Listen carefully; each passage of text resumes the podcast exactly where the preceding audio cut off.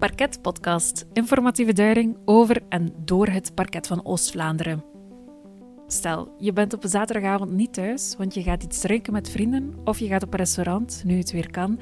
En als je s'avonds terug thuis komt, je de voordeur open doet en de lichten aansteekt, merk je dat er ingebroken is. Je laptop is verdwenen, er zijn kasten doorzocht, ze hebben ook cash geld meegenomen, het keukenraam staat open. En dus ga je een klacht indienen bij de politie. De dader wordt gevonden en na een tijdje krijg je een brief met daarop de datum van de rechtszaak. Maar hoe dan? Hoe komt die klacht bij de politie uiteindelijk terecht in de rechtbank? Mijn naam is Alexandra Verhagen en vanuit het gerechtsgebouw in Gent is dit Parket Podcast. De magistraat die ons dat vandaag gaat uitleggen is mevrouw Leen van de Viever. U bent parketmagistraat in Gent. Welkom. Dankjewel. In deze tweede aflevering doen we een doorloop van het moment van de diefstal totdat de dief eigenlijk wordt veroordeeld in de rechtbank. Dus we gaan terug naar het moment van de feiten. Je gaat binnen in je huis en je merkt dat er een diefstal is gepleegd. En dus wil je aangifte doen bij de politie. Je belt de politie op, zij komen ter plaatse en wat gebeurt er dan? Ja, de politie stelt procesverbaal op. Dat is uh, misschien een, een, moeilijk woord om te zeggen dat zij neerschrijven wat zij zien, wat ze zelf vaststellen, wat de slachtoffers hen vertellen, wat eventuele getuigen hen uh, vertellen. Dus zij schrijven alles neer wat ze daar zelf hebben uh, gezien of gehoord. Dat kan zowel zijn dat ze dat ter plaatse allemaal noteren, ofwel ga je het mee naar het politiebureau en daar begint het. Dus zij maken dan een verslag op wat er gebeurd is. Wilt dat dan zeggen dat je verhoord wordt of dat ze jou ondervragen? Dat gebeurt wel. Hè. Meestal is dat de start van het onderzoek. Dus het slachtoffer doet aangifte en dan wordt er ook echt in een verklaring genoteerd wat het slachtoffer allemaal wil zeggen. Het slachtoffer heeft daar ook bepaalde rechten aan verbonden. Dat wordt ook allemaal vermeld. Uh, dus dat is een verhoor, maar eigenlijk is dat een vrij relaas van het slachtoffer die alles meedeelt wat dat ze wil. En stel dat jij als slachtoffer wordt verhoord, maar dat de buren misschien iets hebben gemerkt. Kan de politie dan ook je buurman verhoren en is dat dan eenzelfde soort verhoor? Dat is hetzelfde soort verhoor. Dus zowel slachtoffers als getuigen worden verhoord. Dus de politie op het moment bijvoorbeeld, eh, het voorbeeld dat je aanhaalt, je komt thuis, er is ingebroken, zijn de standaard dingen dat de politie gaat doen, is jouw verhoor afnemen. Ze gaan ook uh, rondkijken ter plaatse of dat de verdachte niet meer aanwezig is en of dat er bepaalde sporen aanwezig zijn. En ze gaan ook bij de buren navragen wat er eventueel gezien of gehoord is, wie iemand heeft opgemerkt, een bepaald voertuig heeft gezien, iets heeft gehoord. Dat wordt ook standaard wel uh, onmiddellijk gedaan. Stap 1 is de politie. Dus zij zijn als eerste betrokken bij een misdrijf. Zij komen ter plaatse of jij zelf gaat naar het politiekantoor. Als bijvoorbeeld je fiets gestolen is, dan ga je zelf actief aangifte gaan doen. Maar dan, om bij stap 2 te geraken, is de vraag hoe wordt het parket dan ingelegd? Hoe komt zo'n proces verbaal van de politie tot bij het parket? De politie zijn eigenlijk de ogen en oren van het parket.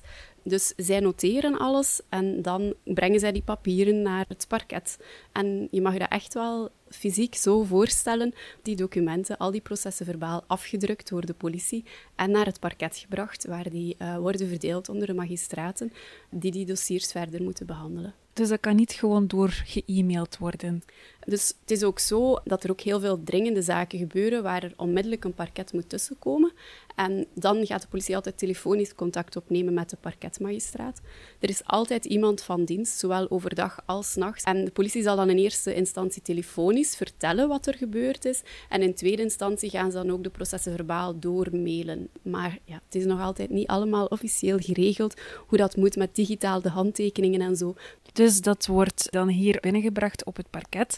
En is dat voor alle zaken zo? Dus als ik bijvoorbeeld ga zeggen aan de politie van kijk, mijn fiets stond aan het station en die staat daar niet meer, die is gestolen. Komt dat dan ook bij het parket terecht of zit er daar een filter tussen? Er is een bepaalde filter, dus de politie gaat sowieso procesverbaal opstellen van alles wat een misdrijf uitmaakt. Soms kom je ook gewoon melding maken van een bepaald probleem zonder dat het een misdrijf uitmaakt en dan gaan ze dat gewoon registreren. Maar er zijn nu een aantal afspraken gemaakt met de politie om de kleinere feiten waar we geen dader hebben, om die niet allemaal naar het parket te sturen, omdat daar geen verder onderzoek mogelijk is. Het voorbeeld dat je aanhaalt, er is een fiets gestolen op een plaats waar geen camerabeelden zijn, we weten niet wie het gedaan heeft, de fiets is nergens te vinden, dan kunnen wij als parket ook niet verder en dan, uh, dan blijft het dossier bij de politie. Stel dat die fiets later teruggevonden wordt, dat er een nieuwe ontwikkeling is in die zaak, kan het procesverbaal wel nog altijd naar het parket worden overgemaakt en dan gaat het uh, zijn weg verder. Op een dag komt u werken en die dag komt er juist die diefstal binnen, een woninginbraak. En dan mag u als parketmagistraat eigenlijk beslissen wat er daarmee gebeurt. Um, wij maken altijd een eerste beoordeling. Elke dag liggen er opnieuw een hele stapel nieuwe PV's op ons bureau. En dan bekijken we die allemaal, worden die gelezen, heel nauwkeurig, om te zien of er verder onderzoek mogelijk is of niet, of er een dader gekend is of niet. En afhankelijk van een aantal elementen gaat dat dan ofwel geseponeerd worden of vervolgd worden. Welk dossier wordt dan wel vervolgd en welk dossier wordt er dan geseponeerd? Is er daar een lijn in te trekken? In eerste instantie gaan we altijd op zoek naar de dader. er zijn heel wat misdrijven waar we de dader niet kunnen identificeren. Mensen denken soms, er zijn camerabeelden, dus we weten wie het is. Maar het is niet omdat we camerabeelden hebben, dat we ook weten wie dat is, die persoon op die beelden. Dus wij kijken eigenlijk in eerste instantie na of we een dader kunnen identificeren. En pas dan volgt de volgende stap. Als we niet kunnen identificeren wie de dader is, dan kunnen we ook niet verder met het dossier. En dan sluiten we af omdat de dader onbekend is. Maar er zijn ook andere redenen dat we een PV niet, of een misdrijf niet zouden uh, vervolgen. Dat is bijvoorbeeld kleinere feiten waar de schade heel beperkt is. We kunnen niet alles dagvaarden. We kunnen niet aan, niet aan alles een gevolg geven. Um, daarvoor hebben we gewoon te weinig mensen, te weinig middelen. En ook de rechtbank heeft niet genoeg mensen, niet genoeg rechters om alle misdrijven die ooit op parket binnenkomen, om die te vervolgen. En soms is het ook niet nodig om iets te vervolgen. Hè. Um, het simpele voorbeeld van een caféruzie waarbij twee dronken mannen uh, op de vuist gaan. Um, maar achteraf gezien is er eigenlijk niet echt veel schade. Ze hebben elk wat blauwe plekken. Maar de volgende week zitten ze al terug opnieuw naast elkaar aan de toog. Ja, op zich is er een misdrijf gebeurd. Maar of we dat moeten vervolgen, lijkt mij hier nu niet echt opportun. Dus zulke zaken worden dan daar ook uitgefilterd en daar gaan we ook niet verder mee er is een soort van opportuniteitsafweging dat je als parketmagistraat kan voeren. Dat is een vrij machtige positie, toch wel, dat jij die verantwoordelijkheid hebt om al dan niet te vervolgen of te seponeren of een ander gevolg aan te geven. Het is eigenlijk ja, meer logica um, en, en ook, ja, het is ook logisch, zoals ik zeg, we kunnen niet alles vervolgen. Um, daar hebben we gewoon de tijd en, en de mensen, mensen en middelen niet voor. Maar voor de rest is dat eigenlijk ja, heel erg logisch. De zwaarste feiten worden vervolgd en de lichtere feiten kijken we of we op een andere manier eventueel kunnen afhandelen um, met een minderlijke schikking of, of een, een, bemiddeling of zo. En ook sommige worden helemaal zonder gevolg gerangschikt. Maar voor alle duidelijkheid, als een dossier geseponeerd is, wil dat niet zeggen dat dat in de vuilbak belandt. Nee, nee, absoluut niet. Een dossier dat zonder gevolg gerangschikt wordt, is altijd voorlopig. Dus het kan zijn dat het zonder gevolg gerangschikt wordt omdat we bijvoorbeeld onvoldoende bewijs hebben op dat moment, of omdat we op dat moment niet weten wie het is. Maar dat kan altijd herzien worden. Die fiets kan plots wel teruggevonden worden. Of het onbekende DNA-profiel geeft plots een match, een resultaat met de databanken in Duitsland, zeg maar iets. Dan wordt dat onderzoek heropend en dan zetten we daar terug op in. En de politie is dan één instantie waarmee het parket samenwerkt. Bij welke andere externe partners, als ik het zo mag noemen, komt het parket mee in aanraking? Wel, een andere instantie uh, waar ik aan denk zijn bijvoorbeeld deskundigen, want dat is ook een van de dingen die we kunnen. Dus we kunnen aan de politie heel veel zaken vragen, maar soms hebben we echt een expert ter zaken nodig. Um, denk maar aan een verkeersongeval waarbij niet helemaal duidelijk is hoe de vork in steel zit. Dan kunnen we verkeersdeskundigen sturen, een brand, daar worden ook specifieke branddeskundigen naartoe gestuurd. Dus op die manier werken wij heel vaak samen met externen. Ook bij overlijdens wordt er een wetsdokter aangesteld. Dat zijn allemaal externe personen die wij aanstellen en op wiens expertise dat wij een beroep doen om ons meer duidelijkheid te verschaffen. Want wij, wij doen eigenlijk het juridische werk van het onderzoek. De politie doet eigenlijk het praktijkwerk in de terrein. Wij maken daar de juridische vertaalslag van en, um, in de vorm van dagvaardingen en eindvorderingen. Maar wij zijn geen expert in brandzaken, wij zijn geen expert om te weten hoe iemand nu om het leven is gekomen of wat voor stoffen dat iemand in zijn bloed had. En daarvoor wordt er heel veel beroep gedaan op uh, deskundigen.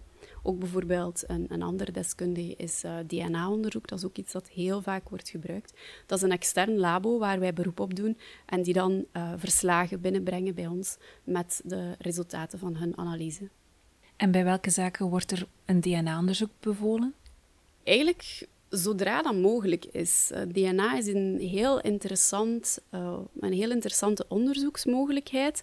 Het heeft natuurlijk ook zijn beperkingen, maar um, heel vaak bijvoorbeeld bij inbraken, als er sporen worden aangetroffen, men zoekt enerzijds naar uh, schoensporen, naar vingersporen, um, maar soms is het ook zo dat een dader zich bijvoorbeeld heeft gesneden aan glas of gedronken of gegeten heeft van iets en op die manier DNA-sporen heeft nagelaten, wordt eigenlijk altijd onderzocht, toch binnen de mogelijkheden.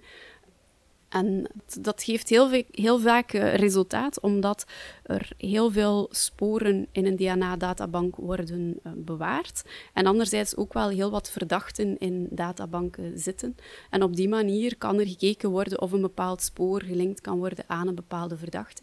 En we doen dat eigenlijk zelfs ook met andere landen. Dus dat is niet enkel binnen België, dat is ook uh, daarbuiten.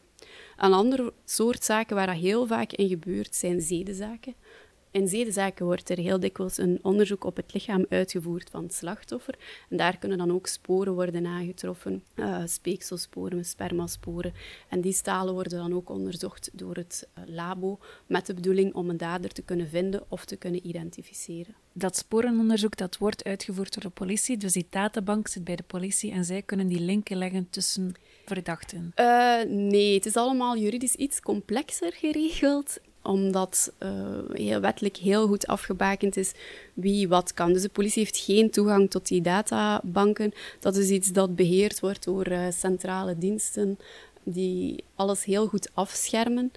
Het is zo dat als wij bijvoorbeeld vragen aan een deskundige om een staal van een verdachte te identificeren, dan krijgt hij nooit de naam van die verdachte. Die krijgt alleen maar de code van die verdachte en die werkt verder met die code. Op die manier is de anonimiteit gegarandeerd. Maar wij kunnen wel aan de hand van die code achterhalen wie achter die persoon zit. Maar het labo zelf, dat een externe partner is, die kan dat eigenlijk niet.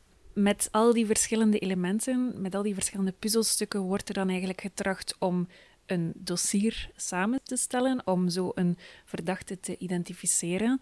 En als u denkt van oké, we hebben zekerheid dat die verdachte daar aanwezig was, dat hij de dief is en heeft ingebroken in die woning.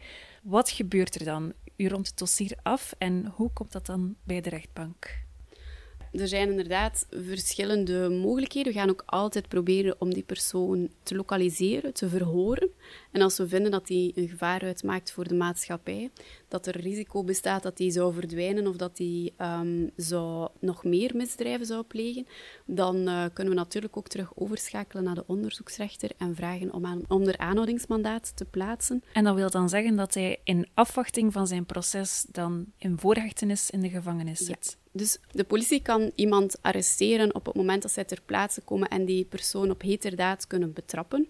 Um, is er geen sprake van heterdaad, dan kunnen wij wel vragen aan de politie: kijk, we hebben nu voldoende elementen kunnen verzamelen tegen persoon X. Dat kan zijn door getuigenverklaringen, dat kan zijn door DNA-onderzoek. Telefonieonderzoek is ook uh, iets waar we heel vaak beroep op doen.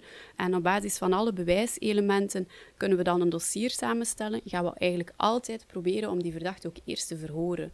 Om toch zijn kant van het verhaal, een eventueel alibi, te gaan horen. En soms geven we daarbij ook de opdracht om die persoon op te pakken. Nu, wij kunnen als parket wel zeggen, ga die persoon gaan oppakken en die arresteren, maar wij kunnen maar iemand arresteren voor 48 uur. Um, vroeger was dat een termijn van 24 uur. Dat is uitgebreid naar 48 uur. Binnen die 48 uur kan het parket beslissen over die arrestatie. Vinden wij dat die persoon verder aangehouden moet blijven, dan vragen wij uh, aan de onderzoeksrechter om een aanhoudingsmandaat af te leveren. En dan gaat dat in gerechtelijk onderzoek. En is het meestal de bedoeling, of toch vaak zo, dat die persoon in hechtenis, dus onder de banden, zegt men dan, met de handboeien aan, laten we zeggen, in de rechtszaal verschijnt voor de rechtbank. Kan u daar een termijn op plakken? Er is een verschil tussen een termijn dat het dossier is afgelopen en dat het voor de eerste keer voor de rechter verschijnt als iemand in hechtenis zit, dan als iemand wordt gedagvaard en er wordt een brief gestuurd van u wordt dan verwacht in de rechtbank. Wat is zo de termijn? Of is dat heel moeilijk om in te? Dat is heel moeilijk omdat um, die termijn naar ons aanvoelen heel erg lang is. Als iemand aangehouden is, dan gaan de zaken altijd sneller. Maar als iemand niet aangehouden is en een dossier belandt op het bureau van de magistraat tussen de honderden andere dossiers, dan kan het al enige tijd duren vooraleer die magistraat dat juridisch document heeft opgesteld, die dagvaarding heeft opgesteld. En dan is het eigenlijk nog wachten om die zaak te kunnen behandelen. En daar zitten we wel een beetje met een flessenhals. Dus ik zou durven zeggen dat het toch gemakkelijk uh, een half jaar duurt tussen de beslissing om iemand te dagvaarden en het moment dat iemand effectief op de zitting komt. En de reden daarvoor is, is gerechtelijke achterstand. Er is gewoon een file tot de rechtbank. Dat is mooi uitgedrukt. Maar als ik bijvoorbeeld in de Colruyt iets heb gestolen en nu mij dus een dagvaarding stuurt en ik op een bepaalde dagdatum verwacht wordt in de rechtbank, dan kan dat langer duren dan een half jaar. Dan kan dat oplopen tot een jaar of is dat ruim gerekend? Tot onze grote frustratie kan dat zeker oplopen. En zeker nu met de coronatijden zijn er heel wat zittingen niet kunnen doorgaan of bepaalde zaken niet kunnen doorgaan en hebben we volledige zittingen zijn we volledige zittingen eigenlijk verloren, die opnieuw moeten geïnstalleerd worden.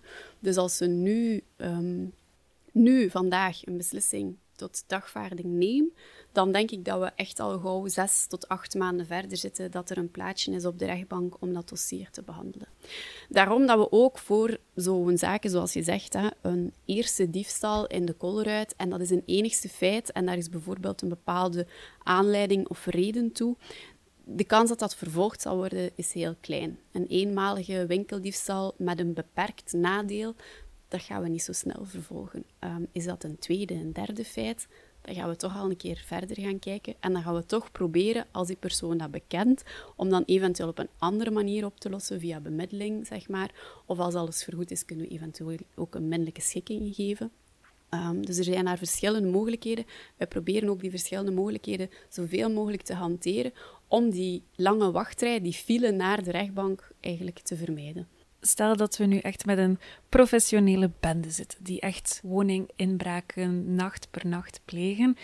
U vordert dan een gepaste straf voor hen in de rechtbank. U staat dan op.